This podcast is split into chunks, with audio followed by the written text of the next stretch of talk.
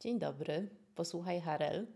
Dziś będzie o czymś anty, ale myślę, że damy radę i nie załamiemy się negatywnym wydźwiękiem tego podcastu. Zwłaszcza, że raczej staram się, nawet jeśli mówię o rzeczach negatywnych, opowiadać o nich w taki sposób, żeby Państwa do końca tym życiem nie zdołować. Kilka lat temu napisałam taki tekst o beta-influencerach. Dosyć dokładnie zanalizowałam zjawisko, wskazałam, mm, jak najbardziej efektywnie korzystać z ich możliwości.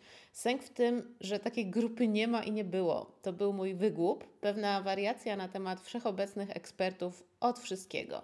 Sama ich stworzyłam, Dodam, że według mojej własnej definicji byli to influencerzy działający poza przestrzenią mediów społecznościowych, czyli bzdura, bełkot, jakich pełno, gdzie się nie spojrzy. Tym razem jednak chciałabym opowiedzieć o grupie, której nie musiałam tworzyć. Ona stworzyła się sama, tylko ja ją roboczo nazwałam. Otóż coraz częściej spotykam się z antyinfluencerami. Któż to taki?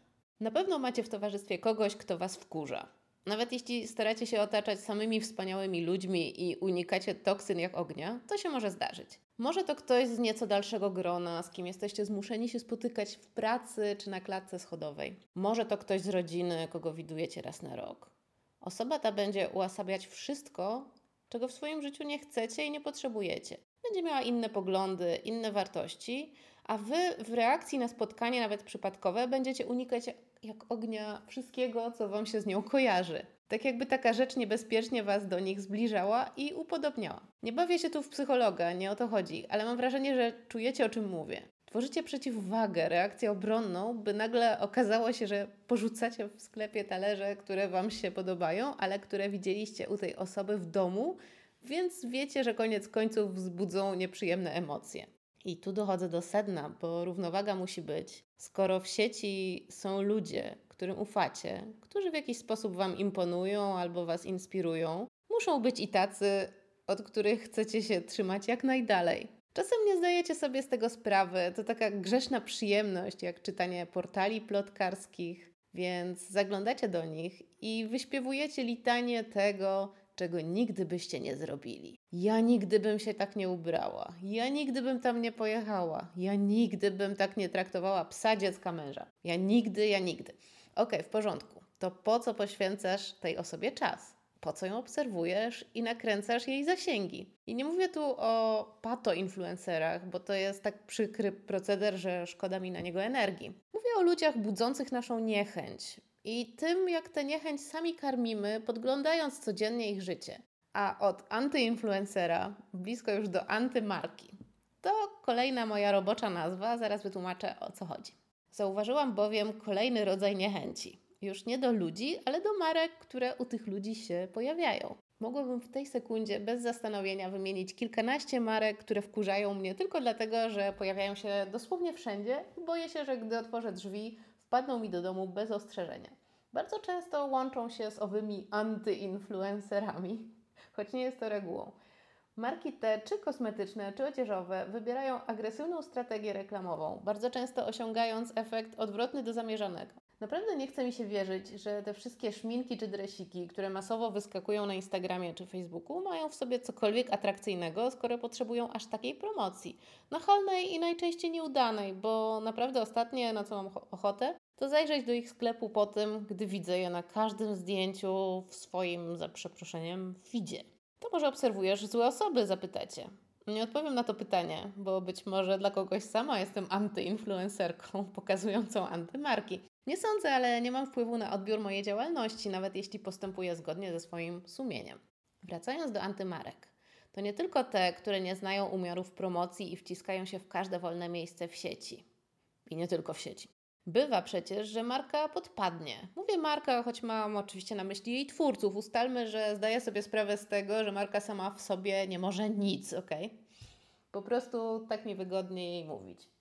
Co i róż jestem świadkiem kolejnej afery. A to ktoś nie wyciął metki, a to ktoś sprowadził towar z Chin i upiera się, że to lokalna ręczna produkcja. Tu kopia kopii, tam mobbingowany pracownik. Mogłabym tak wyliczać w nieskończoność. Trzeba mieć naprawdę dużo pewności siebie albo obojętności na zdanie innych, by w tej czy owej marce po takiej historii w towarzystwie się pokazać. I nie mam na myśli tylko naszego podwórka, bo czy ktoś teraz będzie paradował w Wangu na przykład. Aleksander Wang, przypomnę, znajduje się w epicentrum oskarżeń o molestowanie seksualne. A Galiano na przykład. Widzę, że branża już mu wybaczyła nazistowskie odzywki, doklejając mu łatkę skandalisty, ale przecież bardzo zdolnego. No bo tak najwięksi nie stali się najwięksi dzięki kulturze osobistej czy opanowaniu, prawda? Nie są to jednak dobre czasy dla skandalistów, czy nie bójmy się tego słowa, oszustów. I o ile na antyinfluencerów rady nie ma, a jedyny sposób, by ich nie spotykać, to utrzymywanie porządku na swoich kanałach społecznościowych, z antymarkami jest nieco gorzej. Spokojnie, ja nie prowadzę czarnej listy i nie czekam na potknięcia kolejnych firm, by potem w najmniej spodziewanym momencie im to wytknąć. Raczej obserwuję ciąg przyczynowo-skutkowy, który kończy się nierzadko ostracyzmem.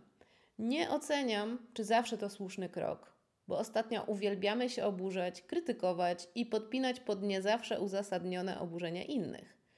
To może być świetna kampania reklamowa, lecz wyemitowana w złym czasie.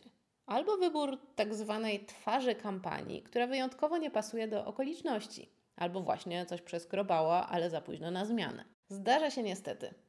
A dobre rady zawsze przychodzą po szkodzie klasyka.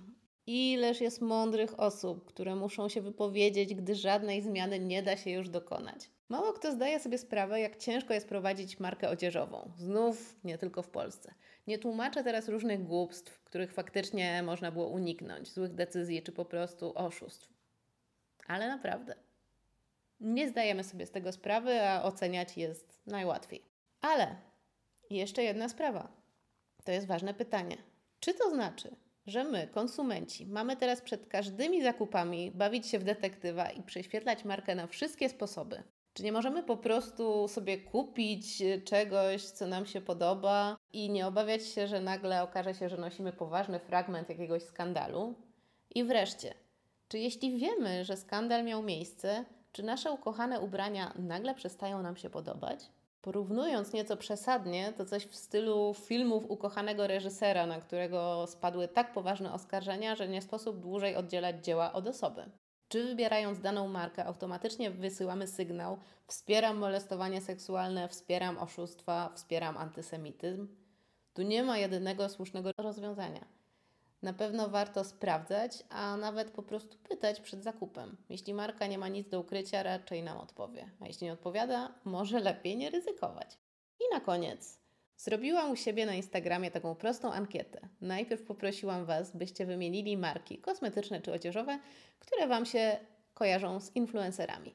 Tu zaskoczenia nie było, wkurzają mnie dokładnie te same, a niektóre nawet sama polecam. Hmm, hmm, hmm. Gorzej, gdy zapytałam, czy są to pozytywne skojarzenia, bo aż 84% głosujących odpowiedziało, że nie. I tu pytanie, czy influencerzy albo marki w ogóle są po to, byśmy ich lubili? Czy jednak to nie ma znaczenia, bo negatywne historie klikają się znacznie lepiej od pozytywnych, a przecież o zasięgi w życiu chodzi? Ta wszechobecna potrzeba bycia lubianym to temat na inną okazję. Nawet nie wiem, czy u Harel, czy może u kogoś innego. Bardzo bym chciała podać Wam tu same wyczerpujące odpowiedzi, zamiast nich zostawiam otwarte okno i miejsce na dyskusję. A może z niej wkrótce urodzi się część druga. Do usłyszenia.